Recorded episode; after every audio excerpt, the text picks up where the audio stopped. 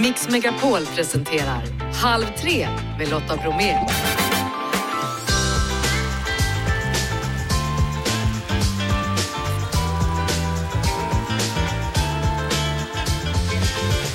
Hallå där och varmt välkommen in i Halv tre-studion. I dagens mix, glädjande besked. Det kommer en ny säsong av Invandrare för svenska. Ni hör Årets peppare som vann pris på Idrottsgalan i veckan. Parisa Amiri leder årets Guldbaggegala. Hon är dagens gäst och dyker upp efter klockan 15. Detta och mycket mer, allt ifrån en automatisk soptunna till en vinnarefamilj från Norrbotten som ska med på Mix Megapols fjällkalas. Nu kör vi! Nu, Ahmed Beran, komiker, skådespelare och programledare för Invandrare för svenskar finns med oss. Hallå där! Hej Lotta, hur mår du? Jo, jag mår bra. Hur mår du? Det är bara bra. Ja, jag har förstått att andra säsongen är precis inspelad. Yes, it's a wrap. Den är färdig och klar. Vi spelade in sista, sista inspelningen i måndags. Eh, Och sist du var här då, då berättade du att du hade lärt dig att den syrianska flaggan skapades i Sverige. Vad har du lärt dig den här säsongen? Jag har lärt mig jättemycket grejer den här säsongen. Men ni får vänta på att se vad det är jag har lärt mig till säsongen kommer igång. Det kommer inte ta så lång tid. Den har premiär runt 5 mars. Ja, men Så vad om en bra. månad. Då får vi veta vad du har lärt dig. Exakt. Jaha. Du, vad gör du annars härnäst då, nu när det är avslutat? Du ska göra teater va? Japp, så nu är jag full gång med att repa pjäsen 8 kvadrat som kommer gå ut i Stadsteatern i, i Husby. Så det är kul, så jag var, på, så jag var tillbaka på det jobbet igår.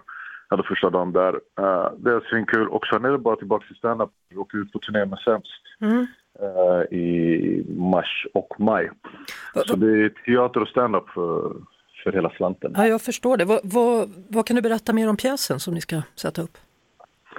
Pjäsen är en väldigt rolig pjäs skriven av två husvagnsprofiler som heter Murre Gondai och Simon Mattios. Och det handlar om två bröder som delar ett rum. Och det är därför namnet kommer då 8 kvadrat. Och så det handlar mest om deras typ, så här, relation och typ, hur de försöker hitta sin plats. Hur de försöker hitta sin plats i, i världen. Storebror och lillebrorsa som, som tjafsar och gnabbar och försöker stötta varandra. Ja, det låter bra. Ja, den är, den är jävligt rolig. Så det ska faktiskt bli, bli kul att spela den. Ja, och sen när du åker ut på stand-up då, åker du över hela Sverige eller? Oh ja. Då är det från topp till botten, höger till vänster. Då kommer vi runt. Det, det är en vad heter det, Sverigeturné, så det ska bli svinkul också. Ja, Det Och förstår då jag. åker jag ut där med Jonathan Unge och Branislav Pavlovic. Och 5 mars alltså premiär då för Ja. andra säsongen. Ja, invandrare för svenskar. Toppen! Du förresten, jag måste bara fråga innan vi lägger på, gillar du popcorn? Om jag gillar popcorn? Ja, Ja. ja, då kan du fira lite extra för det är internationella popcorndagen idag tydligen, fick vi just veta på här Vill, för en vill, stund vill, vill du veta en grej som, en, som en, jag, kan berätta en grej som jag lärde på programmet. Ja, Vet du vad man kallar popcorn på persiska? nej, Josefil. Och vet du vad det betyder? nej. Elefantprutt. Oj då. Vad sa du nu? Tjosafil, sa du det? Josefil, ja. Okej, ja, då tar vi en till då. säga, nästa, nästa gång du träffar dina persiska kompisar och frågar om de kan bjuda på lite elefantprutt så Mm. kommer de fatta exakt vad du menar. Okej, då säger man Josefil bara så är det bra. Exakt. Ja. Tack för nu då Ahmed Beran. Och lycka Kul att prata till. med dig, Lotta. Ja, detsamma. Spännande. Hej. Hej. Halv tre med Lotta Bromé på Mix Megapol.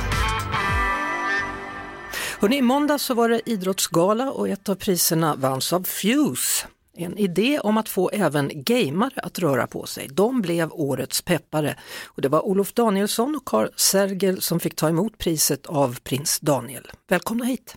Tack så mycket. Tack så mycket. Ja, hur var det här att få ta emot pris av prins Daniel? Ja, det är otroligt roligt såklart. Eh, lite smånervöst innan kanske. Eh, det var tur att Karl fick hålla talet, så jag fick bara hålla koll på mina armar. Ja, det var lite surrealistiskt. Det är inte där gamingen brukar vara i Sverige. Så det var äh, spännande. Men det är ju så att man känner ju att han är verkligen engagerad i det han håller på med, just träning och så. Han var ju PT en gång i tiden innan han blev prins då. Har han varit och kollat på era lokaler och vad ni gör? Nej, han har inte varit på plats, men vi har fått till oss att eh, i jurygruppen så är han en jättestark supporter till konceptet. Berätta om konceptet. Det är ju eh, gaming och eh, sport. Vi eh, för samman de två världarna och i våra lokaler i Helsingborg så är det ungefär 50% av anläggningen som är gaming och 50% av anläggningen som är sport. Då. Så det är ett sätt att få barn och unga i rörelse och använda gamingen som ett verktyg. Och gamingen växer ju otroligt starkt. Det är en väldigt, väldigt, väldigt stor eh, industri och fritidsintresse. Ja, för de som inte vet då, gaming är alltså spela spel. Man kan spela i, i nätverk eller man kan spela på egen hand och ofta blir det långa matcher till exempel så man blir sittande. Mm. Men man ska ju också veta, och det vet ni säkert, att de som är riktigt duktiga på gaming, som tjänar stora pengar i tävlingar, de är ofta vältränade. Mm. Ja, och det är lite därifrån konceptet kommer just att det är väl etablerat på den nivån att du ska röra på dig, du ska sova på nätterna, du ska dricka vatten istället för massa energidrycker. Så det vi gör handlar ju egentligen om att kompetensöverföra det som är väl etablerat hos eliten och ta ner det till gräsrötterna och eh, föreningslivet. Då. Mm. Blir de förvånade när ni berättar att de här riktigt stora stjärnorna faktiskt tränar? Alltså nej, egentligen inte. Men det är väl att det är så associerat till stillasittande och att det egentligen inte har funnits någon mötesplats att uh, göra det strukturerat.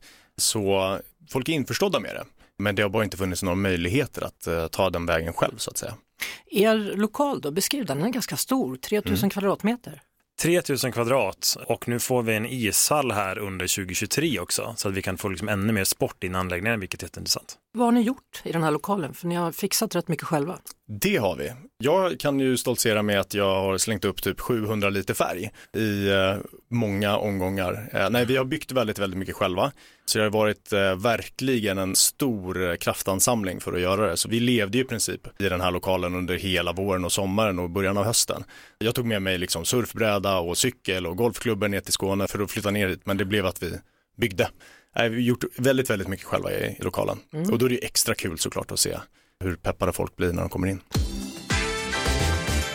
Det är alltså Olof Danielsson och Carl Sergel som är gäster i Halv tre i nuläget då här på Mix Megapol. Nyblivna pristagare på Idrottsgalan som årets peppare för det de har åstadkommit i Helsingborg med Fused. Vad är det som gör att det här konceptet funkar? Är det ni? Jag skulle säga att det finns ett behov av det. Ehm, min bakgrund är inom det kommunala och i den världen så ser man att man tappar barn och ungdomar från kommunala mötesplatser och från föreningslivet och att man inte riktigt har följt samhällsutvecklingen där gamingen blir bara större och större och större. Så både ur ett kommunalt perspektiv och kanske framförallt gamers perspektiv att, att det inte funnits någon möjlighet att komma till en träningsanläggning och att det nu äntligen görs det är väl att vi får ett sånt gehör för, för anläggningen. Då. Men, men den här anläggningen den är ju lite hipp skulle jag säga, eller hipp är kanske fel ord, men den, den är ju kul för ni kan mm. ändra färger och ni kan göra om något rum mm. till olika typer av banor, berätta. Vi har ju ett idrottsgolv, ett glasgolv med förprogrammerade ledlistor där vi kan byta linjerna mellan eh, basket, eh, fotboll, innebandy, badminton och så vidare. Och det är ju ett sätt att brygga den mot den digitala generationen, att göra någonting också som är lite mer unikt än bara ett vanligt idrottsgolv. Självlysande basketbollar och fotbollar och så vidare. Allt för att göra det roligare att delta vad sa du nu, den digitala generationen, sa du mm. det? Ja, jag, jag, tror att det är mycket en generationsfråga och många av de som fattar besluten nu i samhället, de kanske inte har koll på gaming. De kanske bara tänker att det där är något som förstör ungdomen. Det finns ju eh, väldigt starka korrelationer mellan att gamea i tidiga åldrar till eh, liksom logisk utveckling och att man är duktig mekaniskt med fingrar och så vidare. Så det finns ju sådana delar, men det är ju ett stillasittande intresse. Kommer det att sprida sig över Sverige? Ska Absolut. ni måla på fler platser? Absolut. Vi sitter redan i en dialog med kommuner som vill ha anläggningen dit så att det blir en del av fritidsutbudet i staden. Men det är ju så här, ni har satsat jättemycket på den. Ni sa till och med mm. uppifrån era ordinarie jobb. Mm, mm. absolut. Ja, varför? För det är kul. Det är ju roligt att göra någonting som man brinner för och det är roligt att göra någonting som man tror kommer bidra till ett bättre samhälle också. Det är egentligen därifrån det kommer från min sida i alla fall, att jag satt på ett jättestort bolag och räknade på liksom produkter och försäljning av sånt som jag kanske inte brinner för. Och att gå över på det här och lägga manken till för någonting som man tror på, där man också ser nu varje dag när man kommer in att det fungerar och att det faktiskt eh, bidrar till någonting bättre. Det är det som gör att man orkar, för det är en jättekraftansamling såklart. Och jag kommer från det kommunala och det finns mycket gott att se om det kommunala och offentlig sektor. Men att springa snabbt är inte en av dem. Och det här behöver vi springa snabbt med. Och det gör vi enklast i bolagsform tillsammans med kommuner. Vad säger kidsen då? Ja, alltså alla som kommer in första gången, de får ju ögon stora som tefat. De allra flesta undrar ju bara, hur kan det här få komma till Helsingborg? Äntligen är ett ord som kommer ofta. Och sen kommer 25 och 30-åringarna in och undrar så varför fanns inte det här när vi var små? Mm. Så. Men det är fler som kommer kunna ta del av det då i bästa fall eftersom det nu vi hoppas det i alla fall, sprider sig över Sverige. Yes. Tack så mycket Olof Danielsson och Carl Sergel från Fused och än en gång stort grattis till priset. Tack, Tack så mycket. Halv tre med Lotta Bromé på Mix Megapol. Välkommen till Halv tre Paris Amiri. Tusen tack, hej. Hej! Nu närmar sig Guldbaggegalan. Du, på måndag är det dags. Hur känner du dig? Är du laddad? Jag är laddad och om inte det framgick ska jag alltså programleda detta på måndag Lotta. Eh, och det är allra första gången och det är inte vilket år som helst heller. Det känns eh, otroligt lyxigt att det är just det här året. Känner inte du också det, att det är ett bra filmår? Det är ett bra filmår om man nu går på bio. Jag har inte gjort det på jättelänge. Jag ska vara helt ärlig med dig och säga Du, jag uppskattar din ärlighet och jag kommer fortsätta i samma anda. Jag har bestämt mig för att jag ska klä hela två timmars galan i att vara transparent med tittarna. Att så här, fler kunde ha sett de här filmerna, helt ärligt. Ja. och att vi måste ändra på det tillsammans. För det, i år har det varit Jag är Zlatan, har ni sett den? Nej, skakas på huvudet. Triangle of Sadness, Boy from Heaven, Guldpalmsbelönade filmer. Exakt, skakas på huvudet. Så kan vi inte ha det längre. Nej, jag älskar egentligen att gå på bio men det blev ju någonting där ju med pandemin, Ja. att man slutade gå och sen så vande man sig vid att väldigt många, inte väldigt många, men flera av de här filmerna kommer liksom i streamingtjänsterna istället. Men nu vänder vi skutan. Jaha, lycka till. Du, varför gillar du film så mycket? Du vet vad? Har ni sett det här avatarsyndromet diskussionen? Nej, sak på huvudet igen. Alltså det är att folk ser Avatar, den förra eller den nu senaste. Ja, ja, ja. Och eh, att de blir så tagna av att "Ja, Gud vilken vacker fantastisk värld, att den här eskapismen skadar dem. Att de efteråt känner att "Men mitt liv är ju så tråkigt och grått att de blir deprimerade. Förstår ni? Och då blir jag så chockad. Har ni aldrig sett en film förut? För den effekten har all film på mig. och att den fulländade skapelsen, att, liksom, att leka eller spela en mänsklig upplevelse eller ett liv, det är så vackert. Och jag tror jag är väldigt mottaglig för det. Är det fortfarande så att du älskar Harry Potter? Något vansinnigt. Jag lyssnar ju på Stephen Frys ljudbok varje kväll. Tack för att du hänger ut mig om, om det. Innan du ska Men- somna menar du? Eller? Ja. ja. Och då somnar du lugnt? Eh, det, är, det är den totala harmonin när någonting är perfekt. Då slappnar man ju av. Det är så Eh, bra. Vad, vad kan film säga om vårt samhälle? Det är det, det kan ju både säga någonting allmänmänskligt och någonting väldigt, väldigt specifikt. Och filmer är som bäst när det lyckas förena de här två sakerna. Nu är ju Ali Abbasis film ute, alltså Holy Spider. Den kommer ju tyvärr tillfalla Danmark som deras Oscarsbidrag. Men jag har släppt det, jag är inte sur för det. Eh, han gjorde ju Gräns förut som vann Guldbaggen för några år sedan. Och då är det ju en väldigt specifik upplevelse kan man tro. En kvinna som är ett troll egentligen, och så här tulltjänsteman, träffar ett annat troll.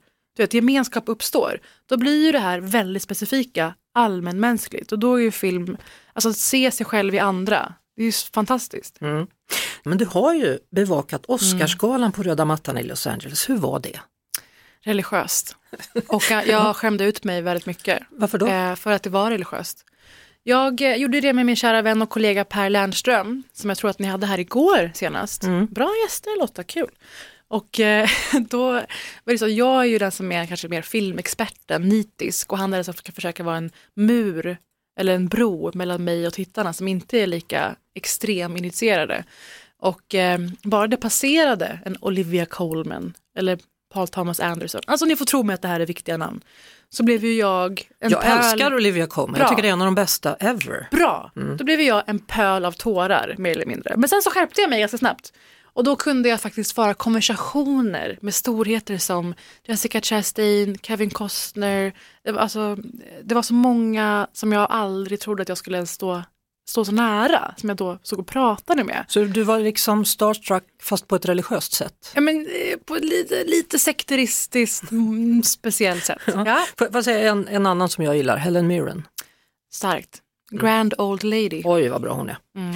Du, att stå där på den där röda mattan, det är långt ifrån att vara på ett flyktingläger i Rwanda, Ja. där du var för några veckor sedan och gjorde reportage då för Musikhjälpen. Du gillar kontraster.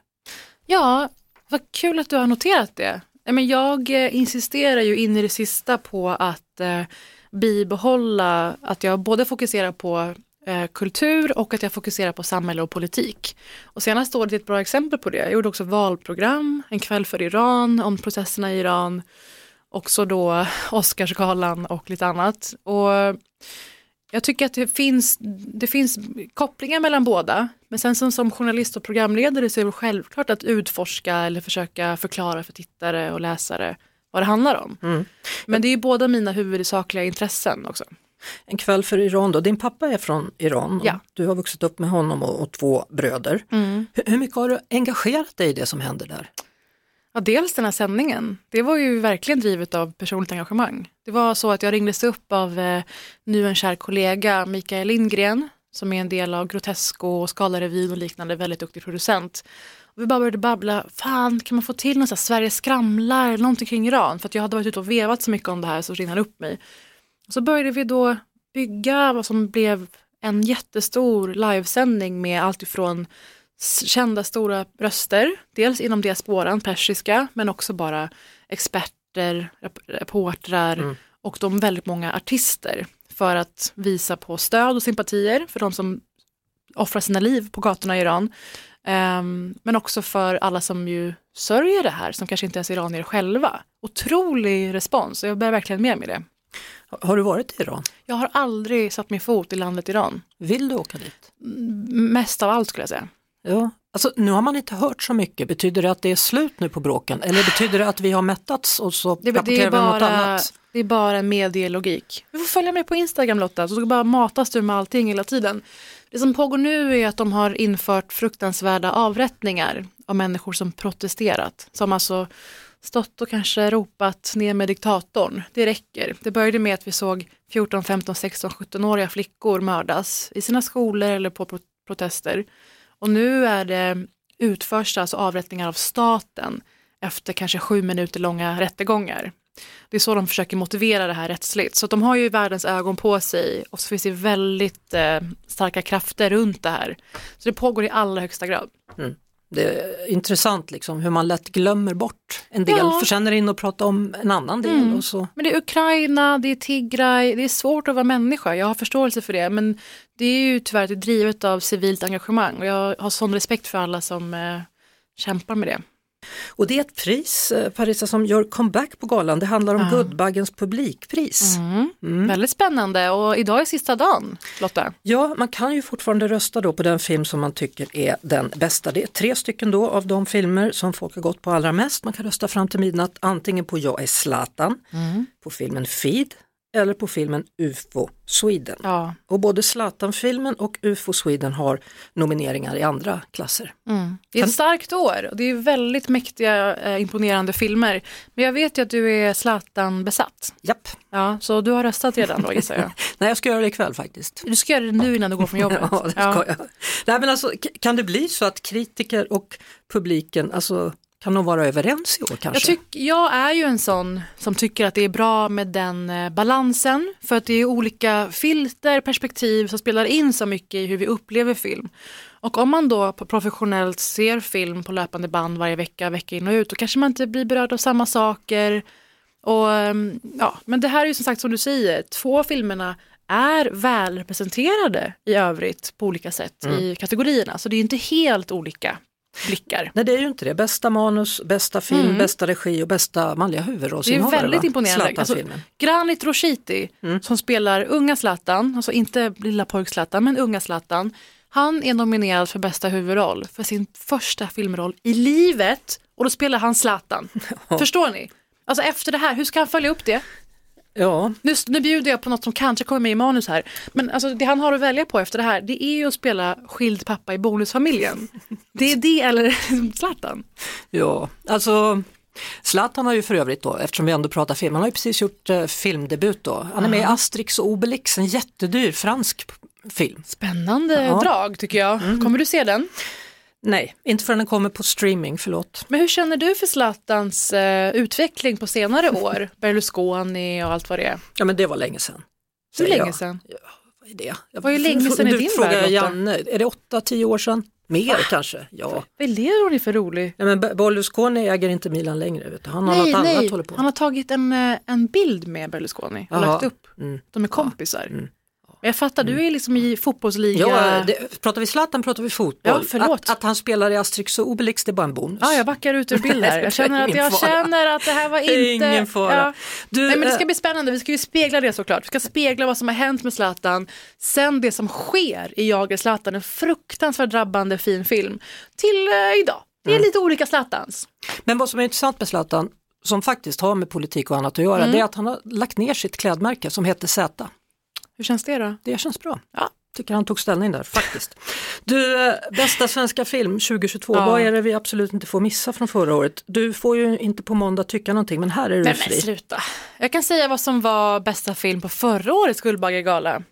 Och då vann ju Clara Solla väldigt många olika priser, om ni vet det. Och den finns på SVT Play detta nu, liksom många andra svenska filmer. Och jag vill ju som sagt vara öppen med att jag förstår att man har vant av sig av bio, men film är bäst på bio. Och låt mig vara er guide på måndag och att ni efteråt kommer vilja slänga er på ett par, tre av de här filmerna. Jag garanterar det. Jag tror inte jag behöver ställa sista frågan, det står här, slutligen, är film bäst på bio? står det här. Ska jag säga så här, jag tatuerar in det efter baggen på måndag. Det tycker jag du ska göra. Tack för att du det. kom hit, Paris Amiri, Tack. och lycka till på måndag. Halv tre med Lotta Bromé på Mix Megapol. Efter en bilolycka 2012 och flertalet missade sophämtningsdagar så fick det räcka. För att inte missa fler sophämtningar så byggde Mikael Andersson i Virsbo en automatisk konstruktion som ställer ut sopkärlet åt honom och något som då har blivit en riktig, riktig snackis. Uh, hallå Mikael, välkommen till Halv tre. Hej, hej. Hej hej, hur kom du på den här idén hörru? Ja, nej, nej, men det var ju det man, man glömde ju bort det. Hela tiden. Ja, Så att eh, eh, jag var ju tvungen att hitta på någonting. ja hur, hur funkar det här då? Vad är det som åker ut och vad åker tillbaka?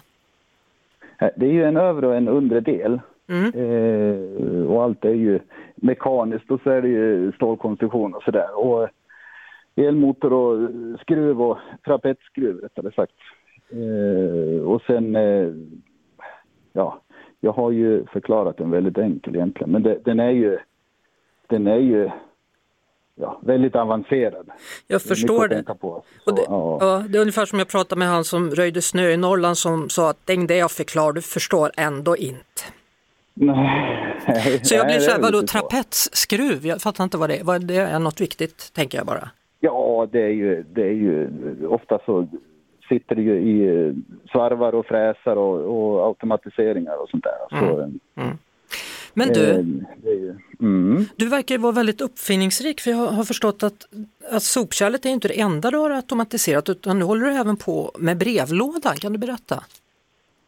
Ja, eh, de går väl i samma stil. Ja, Det är väl det som gör det roligt. Sen är det ju inget speciellt sådär. Men eh, vanligtvis så har man ju brevlådan placerad eh, rakt framifrån så här. Eh, men det som blir nu då, det är ju inte, själva enheten är ju färdig så. Den ska ju installeras i en av pelarna tids nog. Men eh, de- den står liksom på sidan. Och sen Aha. är det ju knapptryckningar där med så att man kan öppna den från eh, utifrån och inifrån eh, vägen då. Så att, det- men, eh, men det är ju, den är bara automatiserad åt ena hållet. Jaha. Okej, så du kan inte skicka brev ifrån den alltså, utan det bara, du kan bara få brev? Ja, precis. Ja. Men det är väl nästa Den steg då? Nej, så han är, vad sa du? Det är väl nästa steg att du, att du gör åt andra hållet också antar jag? Ja, precis. Ja. precis. Eh, nej, så den är lite häftig. Är, den går i samma stil. Ja, Eh, men du, vad, vad händer framöver? Du verkar ju vara liksom uppfinnar rik, uppfinnare mer eller mindre. Vad, vad ska du göra härnäst? Ja, ja, eh, det är ju det här i, eh, ja, i mån om tid och, och ork och det här. Det är väl det man har så svårt att acceptera. Att det Mm, tar ju sån tid allting. Så Ja. Att, ja, man orkar ju inte. Det är tur att snuttan är så förstående här hemma. Snuttan? Mm. Ja, visst, vi är väldigt gulliga med varandra. Vad betyder är snuttan? Är det en hund eller är det frun? Det är min fru. Kallar henne för snuttan? Det var ju roligt. Ja, ja, eh, Ja. ja. Vad kallar hon dig Mm. för då? Snutten? Nej, det är gubben. Jaha, Okej, är så det är gubbe. gubben och snuttan då, då vet vi, då har vi Ja, koll. det är snuttan och gubben. Ja. Är Nej men Mikael, vad, vad kul, du får gärna höra av dig sen när du har kommit på vad nästa uppfinning ska bli då. Ja, absolut. Ja. Det lovar jag. Och så hälsa snuttan. Jag ska hälsa snuttan. Ja, det är bra.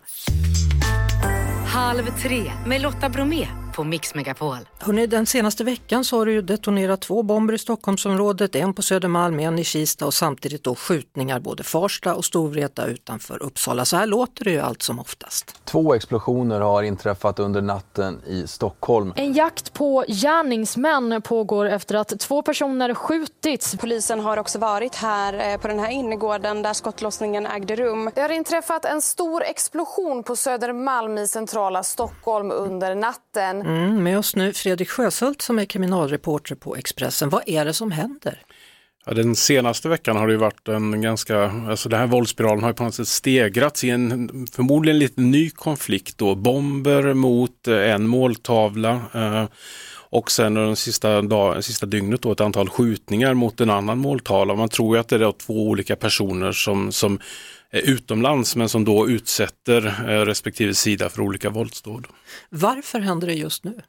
Ja, exakt vad det är som har triggat igång detta, det, det, vet vi inte. Det finns en uppgift om att det kan bottna i att en strid om narkotikahandel i Sundsvall, men det finns också andra teorier om, om vad det här kan, vad kan ha bottnat i. Det finns ju en, en, en våldskonflikt också sedan jul och nyårshelgerna och att det då kan vara någonting som kommer från det. Flera av de här inblandade eh, har kopplingar till den konflikten också. Mm. Man hör ofta också då polisen säga att vi ska utreda om det finns ett samband. Vet man i detta nu om det finns ett samband mellan de här senaste veckans händelser? Alltså man vet eh, vad det gäller bomben på Södermalm utanför krogen där och eh, vad det gäller då bomben som var i Kista här i veckan. Där vet man att det är samma måltavla. Det är en, en del av, av liksom konflikten. De här senaste skjutningarna som var under natten då det ska då vara riktat mot den måltavlans fiende, så det var på något sätt någon hem där. Mm. Det vet vi genom att man kan se vilka som är bosatta på adresserna och man vet vilka som ja, kan ha intressen i olika sammanhang. Mm. Och måltavlan då, det förekommer uppgifter om att måltavlan är i Thailand. Måltavlorna ska vara utomlands båda två, de är inte i Sverige eh, och eh, det ska då vara riktat mot familjer, bekanta som har på olika sätt kopplingar till det. är de man hämnas mot då för att man vill nå fram med någon form av syfte. Nu har ju, eh, gud då, ingen människa skadats i de här bombningarna.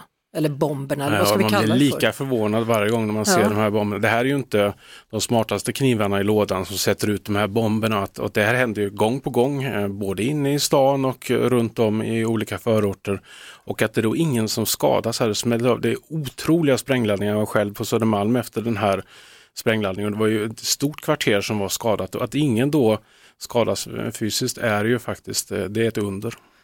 Ja, men förr eller senare kommer det väl vara någon då som kanske inte ens har med det här att göra som råkar illa ut. Alltså hur ska ja. de få stopp på det här? Det har ju hänt tidigare att exempelvis det var en, en man som plockade upp en handgranat och dog då när den brann av i södra Stockholm. Det har slängts in handgranater där, där barn har skadats och dödats och så mm. vidare. Så det händer ju då, då men hur man ska få stopp på det, måste, man måste ju komma åt dem som då, dels anstiftarna eh, som, som ligger bakom detta, för de i sin tur anlitar unga personer för att sätta ut bomber eller skjuta genom dörrar och problemet är att det finns så himla många som är beredda att ta på sig den här typen av uppdrag så man måste verkligen komma åt topparna också. Så vad tror du, kommer det fortsätta här nu framöver? Och kanske inte bara i Stockholm utan större delar, flera delar av Sverige? Det finns ju stor risk för att det här fortsätter. Det här ser vi ju då och då i olika, i olika städer att det snabbt blossar upp och slår man inte tillbaka mot det så fortsätter det här i de här oändliga våldsspiralerna. Så vad ska vi göra åt det? Ja, polisen måste ju komma åt de här personerna, de här måste ju stoppas innan de eh, sätter ut en bomb. De måste stoppas när de är på väg till en skjutning. Det finns ju ganska bra verktyg för polisen att, sätta, att få in dem på långa fängelsestraff för grova vapenbrott exempelvis. Så, så de här måste ju stoppas men i, i grund och botten sen handlar det om att de här ungarna som är 14, 15, 16 år, de ska ju fångas upp innan de blir så här grovt kriminella. Det är det som är den verkligt skrämmande utvecklingen i det hela. Och utmaningen då får man säga? Utmaningen verkligen. Fredrik Sjöshult, kriminalreporter på Expressen, stort tack.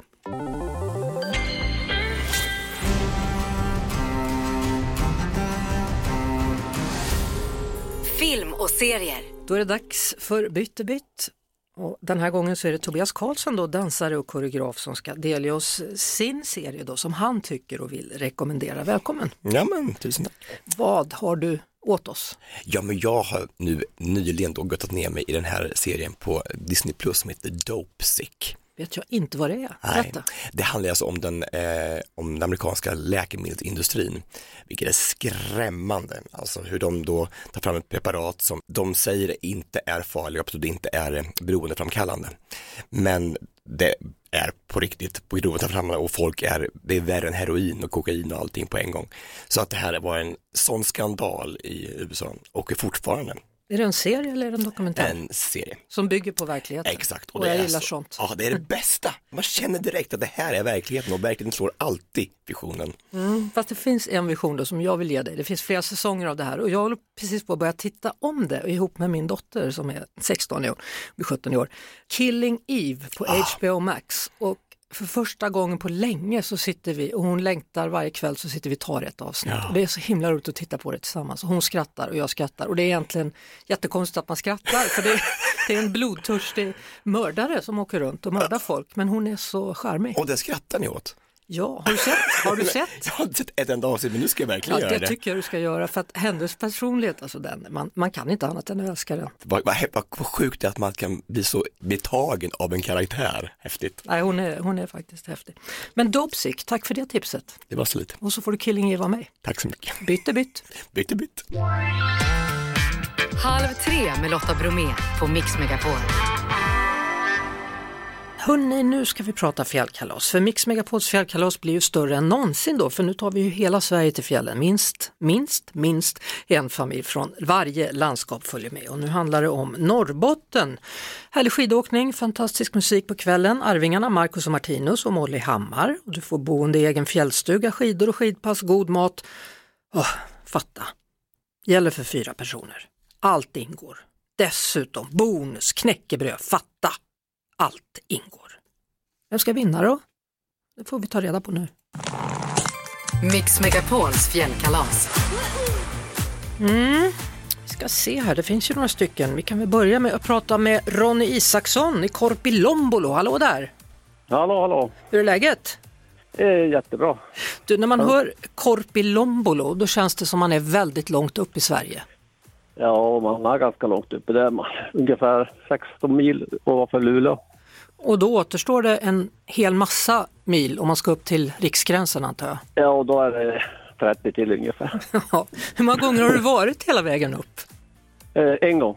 Hur var det där uppe? Ja, jag, har varit till Treriksröset en gång. Ja, hur såg det ut? Hur är det där? Det var fjäll, fjäll och så var det tre städer och då skulle man stå och kolla på tre länder samtidigt. Ja, vilka är det där? Är det Finland, Sverige, Norge eller? Och Norge, ja. Mm. Jajamän. Ja, ja. Vad gör du annars på dagarna? Jag jobbar som CNC-operatör på ett eh, fönsterfabrik här. Jaha, nu vet inte jag vad en sån är. Vad, är, vad gör man då? Ja, man eh, sätter i en bit och så kör maskinen den och gör alla beslag och sånt där i, i ett fönster. Ja. Känner du att du behöver ha lite semester eller hur verkar det? Ja, jag tycker jag behöver verkligen. Efter det här året, det har varit covid och det har varit lite av varje. Så det, Mm. det skulle vara skönt, skönt med ett avbräck i vardagen. Ja, vem skulle du ta med dig och göra det här avbräcket med i så fall? Eh, min dotter, och hon har också haft det tungt, och barnbarnet. Hon Ja, har fått göra av med sig, avveckla sina hästar för att hon har reumatism och så måste hon, kroppen inte orkar mer så får man ja, sluta med sånt. ja det låter ju som ni skulle behöva en, några dagar där i en fjällstuga, eller vad säger du? Ja, ja verkligen. Ja. Ronny, eh, stort grattis, du får följa med oss på fjällkalaset. Yes! Känns det bra? ja, det var kul. Ja, hälsa dotter och barnbarn och allt sammans så ses vi så småningom då i Lindvallen. Jajamän, det ska jag göra. Tack Ja. så hjärtligt. Varsågod så hjärtligt. Hej då Ronny! Ja. Hej då! Vi hörs såklart på Mix Megapol varje eftermiddag vid halv tre. Ett poddtips från Podplay. I fallen jag aldrig glömmer djupdyker Hasse Aro i arbetet bakom några av Sveriges mest uppseendeväckande brottsutredningar. Går vi in med hemlig telefonavlyssning och, och då upplever vi att vi får en total förändring av hans beteende. Vad är det som händer nu? Vem är det som läcker? Och så säger han att jag är kriminell, jag har varit kriminell i hela mitt liv men att mörda ett barn, där går min gräns. Nya säsongen av Fallen jag aldrig glömmer på Podplay.